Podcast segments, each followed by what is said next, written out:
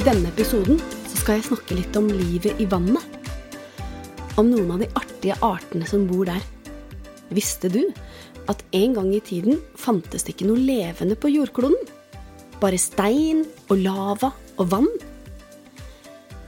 Men for lenge, lenge siden begynte det å utvikle seg levende vesener i nettopp vannet. Og i dag så finnes det enormt mange levende dyr og planter under vann. Du vet sikkert at fisker, for eksempel, ikke kan puste sånn som oss. De har jo gjeller. Men visste du at det finnes dyr under vann som kan puste? Som har lunger, akkurat som deg og meg? Ja, det er nemlig hvalene. De er faktisk pattedyr. Og de er til og med verdens største dyr også. Blåhvalen er faktisk det største dyret som noen gang har levd. Til og med større enn dinosaurene.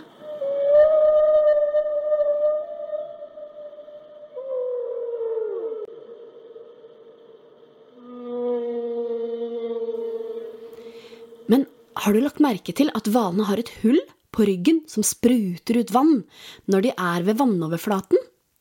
Det er nesa deres. Så når de spruter ut vann, så er det fordi de må opp for å puste. Men hvalene kan selvfølgelig holde pusten mye lenger enn oss. De fleste må puste omtrent hvert 20. minutt. Og det finnes en hval som heter spermhval, som kan holde pusten i hele 90 minutter. Men når vi først er inne på det med blåhval, verdens største dyr, så må jeg fortelle litt om den. Den kan bli ca. 30 meter lang og veie 150 tonn. Det er like mye som 20 voksne elefanter. Og den kan bli like gammel som oss mennesker. 80-90 år gamle.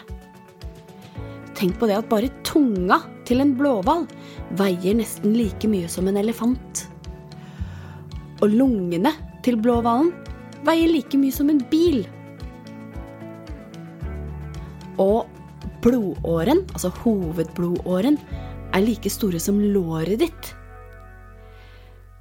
Blåhvalen får også verdens største babyer.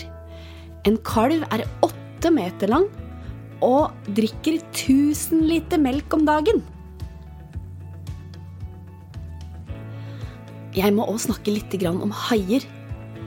Haier har litt dårlig rykte. De fleste ser jo på dem som veldig skumle og farlige. Men visste du at det finnes rundt 400 forskjellige haiarter?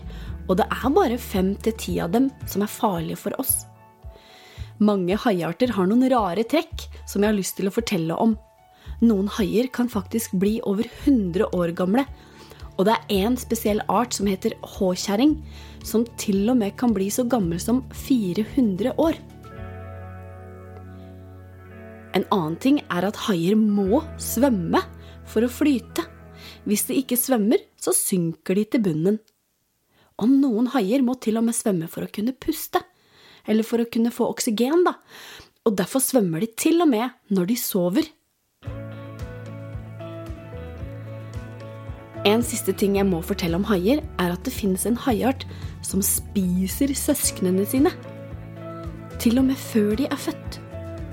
Sandtigerhaien har det sånn at, at eggene klekkes på en måte inni magen, og den første haien som blir klekket, begynner å spise de andre søsknene sine, sånn at til slutt bare er én hai igjen.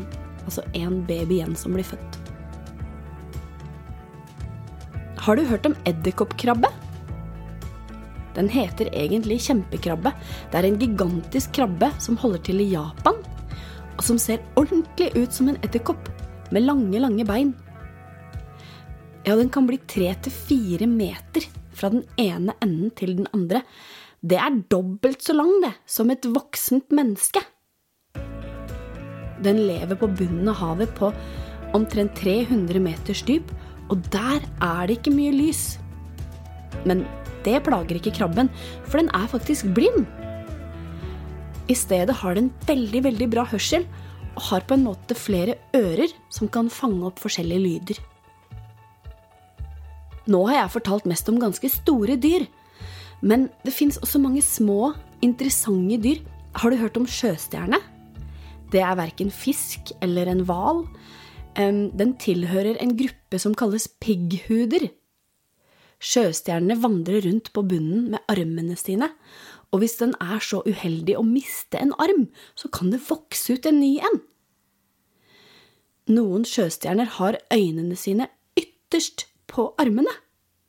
Det kan du til og med se hvis du går nærme nok. Det aller rareste er når sjøstjernen skal spise. Kanskje fanger den et skjell med armene sine. Så bruker den armene for å lirke skjellet sånn at det åpner seg litt opp. Men det er ganske vanskelig å åpne det helt. Men da vrenger sjøstjernen bare hele magen sin ut, så slipper stapper den på en måte magen sin inn i skjellet og spiser det som er inni. Og når den er ferdig, så trekker den magen inn i kroppen igjen. Nå har du fått vite bitte litt om livet under vann, men det er så mye mer å lære, og det er mye vi mennesker ikke veit om havet. Vi har bare undersøkt en bitte liten del av havbunnen. Så forskere tror at det finnes fortsatt mange arter under vann som vi enda ikke har oppdaga.